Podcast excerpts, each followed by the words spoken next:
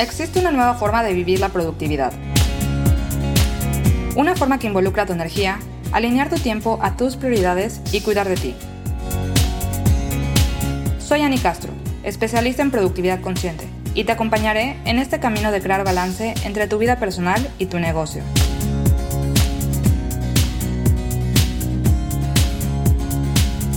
Hola, te doy la bienvenida a este nuevo episodio donde vamos a estar platicando sobre un tema que se me hace muy importante abordar en este ámbito de la productividad, de los sueños, de los planes y de las metas. Y este tema es el bendito miedo. ¿Y qué se hace con esto?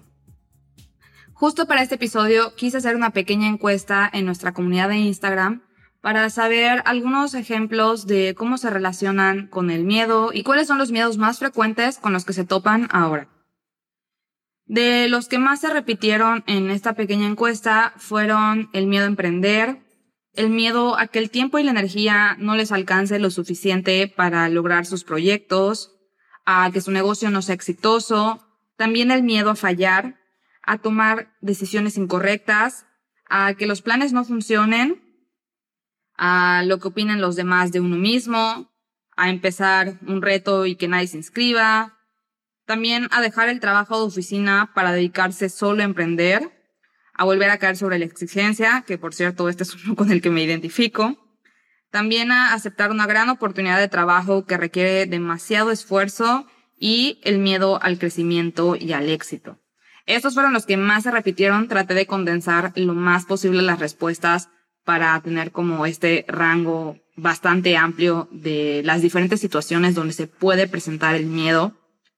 ¿Y qué es lo que pasa? Que normalmente lo que escuchamos en muchos lados o lo que nos dicen es no tengas miedo, no tengas miedo a empezar, no tengas miedo a algo nuevo, no tengas miedo a fracasar y tampoco tengas miedo al qué dirán. Y esto me parece algo pues, pues no gracioso, me parece algo que tenemos que considerar y como siempre voy a estar invitándote a cuestionar de dónde viene esto, porque nosotros no podemos controlar el resultado. Si voy a dejar mi trabajo de oficina para dedicarme solo a emprender, ¿cómo sé si ese emprendimiento realmente va a funcionar? ¿Cómo sé si es lo que realmente quiero? Y de ahí van surgiendo muchas dudas que de nuevo nos hacen sentirnos atrapadas en el miedo. Y esto es completamente normal, porque por lo mismo de que no podemos controlar el resultado y nos da una sensación de incertidumbre, sentimos miedo. Y es completamente válido sentir miedo. Yo no te voy a decir que no sientas miedo, al contrario, te invito a que aceptes que este miedo es parte de esa experiencia y sería más preocupante no sentir miedo porque es parte de nuestra experiencia humana sentir emociones y el miedo es una de ellas y no es una emoción negativa, pero sí es una emoción difícil, difícil de vivir, de sentir y de saber qué hacer con ella. Pero quiero decirte que el miedo no es el enemigo. El miedo no es lo que realmente te está impidiendo lograr tus proyectos o avanzar o, o emprender o desarrollar tu negocio o vivir la vida de tus sueños, el miedo no es lo que te está frenando. Lo que te puede estar frenando es la reacción que tienes al miedo y cómo te relacionas con este miedo. Pero el miedo no es el enemigo. El miedo no es lo que te está impidiendo lograr tus sueños o lograr tal proyecto o desarrollar más tu negocio o atreverte a hacer una actividad nueva. El miedo está ahí y existe por algo. No está ahí para hacerte sufrir, no está ahí para hacerte pasar un mal rato. Está ahí en forma de alerta y te quiere decir algo. Entonces, ¿qué, qué es lo que se hace con el miedo? Primero, hay que dejar de resistirnos. Hay que aceptar que el miedo es parte de nosotros y que es completamente válido y normal sentirlo. Y lo que puedes hacer es separar el miedo e imaginar que es un amigo. Puedes imaginar que es este amigo que está sintiendo miedo y entonces a este amigo le vas a preguntar tres cosas. La primera es, ¿qué quieres decirme? La segunda es, de dónde viene este miedo, qué es lo que está detonando o de dónde surge, qué, qué hay abajo de, de lo que aparentemente te da miedo. Y el tercero, ¿qué necesitas para sentirte seguro? ¿Cómo puedo ayudarte a que te sientas más seguro ante esta situación? Porque como te digo, el miedo está ahí para protegerte de algo. No sabemos a veces de qué nos está protegiendo, pero está ahí para cumplir cierta función, que es protegernos de situaciones desconocidas o que podrían ser peligrosas. Porque así funciona la mente y así funcionan nuestras emociones. Entonces es, es dejar de pelearnos con el miedo y empezar a hacer las paces con esto. Entonces, estas son las tres preguntas que le puedes hacer al miedo para empezar a, identificarlo y no a huir de lo que estás viviendo, de lo que estás sintiendo, es empezar a hacer conciencia e interiorizar qué es lo que, lo que a ti te puede ayudar para afrontar estas situaciones. Porque por más que yo te diga que, que es posible dejar de sentir miedo y, y dejar de, de experimentar esta emoción en la vida, te estaría mintiendo. Lo que sí va a pasar es que conforme vayas avanzando en ciertas experiencias, el miedo en esa área va a ir disminuyendo pero puede aparecer en otras áreas completamente nuevas.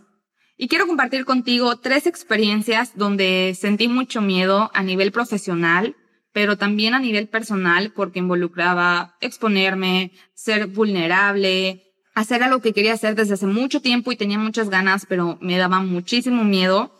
Y son similares a algunas de las respuestas que pusieron en la encuesta de ayer, que son los ejemplos que te comenté al principio de este episodio. Y esa primera experiencia donde sentí muchísimo miedo fue dejar mi trabajo Godín, dejar mi trabajo de oficina. Y recuerdo que en esa época, cuando, pues cuando estaba en oficina, que fue hace muchísimo tiempo, estaba recién graduada de la universidad. Empecé a trabajar en, un despacho y me iba muy bien. Era un despacho de arquitectura. Yo era diseñadora gráfica, pero pues ahí trabajaba como diseñadora gráfica del despacho de arquitectura. Y me iba muy bien, me gustaba mucho, el equipo de trabajo estaba padrísimo, mis compañeros eran a todo dar, mi jefe también. Realmente era algo que disfrutaba mucho y al ser mi primera experiencia en oficina, la verdad fue muy grata. Me la pasé padrísimo, aprendí muchísimo. Pero desde ahí ya tenía la espinita de emprender y sentía que el tiempo no me daba para dedicarme a la oficina y también para dedicarle a mi emprendimiento. Y tenía muchísimas ganas de, pues de irme de lleno al emprendimiento, pero obviamente el miedo me invadía, lo dudaba muchísimo, eh, tardé muchas semanas en, en tomar la decisión y pensaba una y otra vez si iba a funcionar, si valía la pena dejar algo que me gustaba y algo donde me iba bien, eh, hablando eh, a nivel de satisfacción personal y también a nivel económico. Y, y sí fue difícil, fue muy abrumador tomar esa decisión, pero al final de cabo me terminé atreviendo y renuncié al trabajo en la oficina y empecé con mi primer emprendimiento. ¿Qué necesitaba yo en ese momento para sentirme segura? Lo que más miedo me daba era tomar la decisión incorrecta y mucho tiempo después me di cuenta que tal vez sí, tal vez sí fue la decisión incorrecta en ciertos aspectos, pero en otros aspectos fue la correcta. Fue la correcta porque me atreví a empezar un proyecto nuevo, me sentí valiente, empecé a disfrutar este nuevo proyecto de emprendimiento que tenía, pero no fue una buena decisión en el aspecto de que económicamente no estaba ni un poquito preparada para dedicarme a un emprendimiento. Yo no ahorré antes, yo no tenía nada seguro, o sea, no tenía ni como un pequeño fondo de emergencia para esperar a que arrancara el proyecto de emprendimiento. Eh, haz de cuenta que el dinero que tenía cuando me pagaban lo gastaba y luego eh, pues decidí emprender y emprendí básicamente de cero. Pero aprendí, aprendí de esa experiencia y qué hubiera hecho si pudiera empezar otra vez o pasar de nuevo por esa etapa, hubiera ahorrado y después hubiera dado el paso. Quizá eso me hubiera ayudado a sentirme más segura, pero aprendí de esa experiencia y creo que eso es lo importante. Otro momento donde sentí mucho miedo fue en mi primer curso online y este está relacionado con el que dijeron de empezar un nuevo reto y que nadie se inscriba. Pues algo así fue esta experiencia con este primer curso online. Me acuerdo que lo lancé, ni siquiera había empezado Tengo Planes, fue un poquito antes de Tengo Planes, pero era sobre un tema de productividad. El formato era curso en línea con varias lecciones en Facebook, porque pues todavía no había como la, la onda de Zoom, y así lo hice.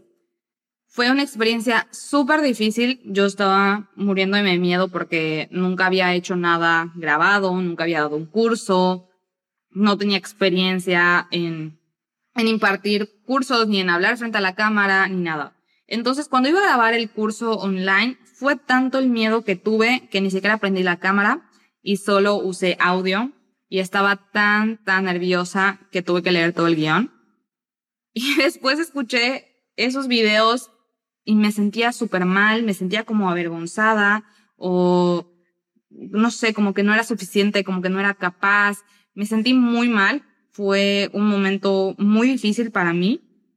Y además no se inscribió nadie. Bueno, sí se inscribieron personas, pero se inscribieron solo tres personas.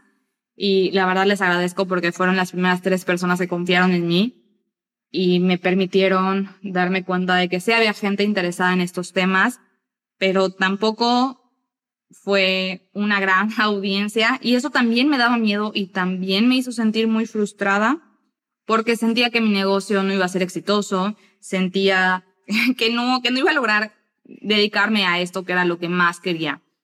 Y eso te lo comparto porque si conoces Tengo Planes o si no lo conoces, te lo cuento rapidísimo. En Tengo Planes me dedico a dar cursos desde hace dos años y la verdad ya los cursos me salen súper natural, súper fácil, lo disfruto, me siento como pez en el agua, pero sí me costó muchísimo al principio. Y pues después de esa experiencia yo ya no quería volver a dar otro curso de lo mal que me sentía y de lo mal que sentía que quedó el curso, de, de lo frustrante que fue que no se escribiera la gente, de sentir ese miedo. Más que nada era la frustración y el, miedo a volver a sentir ese miedo. Entonces, ahí me hice las preguntas, ¿quiénes, que, que son las que te compartí? ¿Qué quería decirme ese miedo? ¿De dónde venía ese miedo? ¿Y qué necesitaba yo para sentirme más segura? Ese miedo venía de exponerme, de hablar en público. Siempre me había dado miedo hablar en público, de, de no ser lo suficiente, de no ser igual que otras personas que se desenvuelven muy bien hablando. Y venía desde, desde mi infancia, es algo que me daba miedo desde pequeña. ¿Y qué necesitaba yo para sentirme más segura? Aprender. Aprender herramientas para hablar en público, aprender herramientas para impartir un curso. Y eso fue lo que hice. Me inscribí a cursos para dar cursos, me inscribí a cursos de voz, a cursos de conferencista y poco a poco fui mejorando pero no ignoré el miedo, no tampoco lo rechacé, acepté que era parte del proceso y empecé a hacer lo que yo necesitaba para sentirme más segura. Y la última experiencia que no me daba miedo, sino que me da miedo actualmente, es este podcast. Este podcast es un reto para mí y como te dije, yo ya me siento como pez en el agua, dando cursos, grabando videos en vivo, hablando en Instagram, eh, todo eso para mí es ya muy sencillo. Pero este podcast me genera todavía cierta resistencia y es difícil, es difícil explayarme y soltarme y siento que no fluyo tanto todavía o que de repente hablo muy rápido, que de repente me acelero y me encantaría decir que no me da miedo lo que los demás opinen de mí, pero sí, sí es un miedo que me da.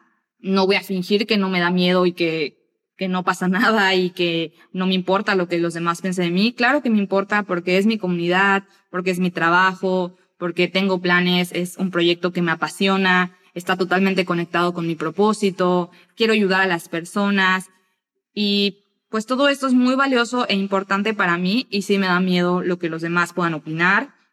Me da miedo la sensación al miedo, porque obviamente el miedo no es una sensación muy cómoda es difícil de vivir y de experimentar. Y te lo quería compartir desde como una posición muy vulnerable para decirte que que eso, ¿no? Que el miedo realmente no es lo que te impide hacer cosas o no hacer cosas, es cómo lo afrontamos y cómo nos relacionamos. Al momento de yo aceptar ante ti que esto me da miedo, le quita un peso de encima y siento que puedo fluir más y también sé que es un proceso. Como todo, cada cosa conlleva cierto tiempo de práctica, de aprendizaje, de ir mejorando paulatinamente y aceptar nuestros propios ritmos, nuestros propios procesos y más bien que el miedo es parte del crecimiento. Espero que lo que te acabo de compartir te ayude a ti a hacer las paces con el miedo y afrontarlo desde una postura de amor propio, autocompasión. No es lo mismo que lástima. Compasión es aceptar tus propios procesos, hablarte como le hablas a un amigo, como mostrarte cariño, respeto y honrar tu proceso. Entonces espero que estas experiencias te ayuden a eso. Y por último, quería compartirte algunas herramientas que a mí me funcionan a procesar este miedo y a estar como un poco receptiva al momento de querer escuchar qué hay detrás y escucharme a mí. Y estas son hacerme una pequeña pausa, respirar, hacer ejercicios de respiración, puedes hacer una meditación guiada, hay muchas aplicaciones para hacer meditaciones guiadas o también puedes eh, escuchar en Spotify o en distintas plataformas. Existen muchísimos canales de meditaciones guiadas y también escribir. Tener una libreta donde escribas tus emociones, tus sentimientos, tus pensamientos.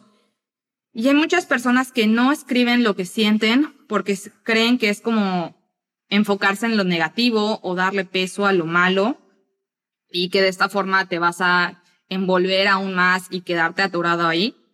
Pero es al revés. Mientras más aceptes lo que estás sintiendo y lo que estás viviendo, más fácil va, a ser para ti que lo puedas procesar y que puedas afrontar esta situación. Escribir es algo que a mí personalmente me ha ayudado muchísimo y siempre que tengo miedo hago esta pausa, hago una pequeña meditación y luego me siento a escribir todo lo que está pasando por mi cabeza, los pensamientos buenos, los pensamientos malos, cuando aparece la autocrítica y así empiezo a procesar e identificar de dónde viene este miedo y qué necesito yo para sentirme más segura ante esta situación.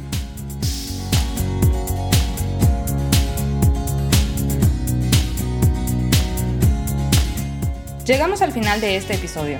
Gracias por estar aquí. Si te gustó, compártelo. Me encantará leer tus comentarios en nuestra comunidad de Instagram arroba tengo planes. Te espero en el próximo episodio con más herramientas y reflexiones de productividad, bienestar, mentalidad y negocios.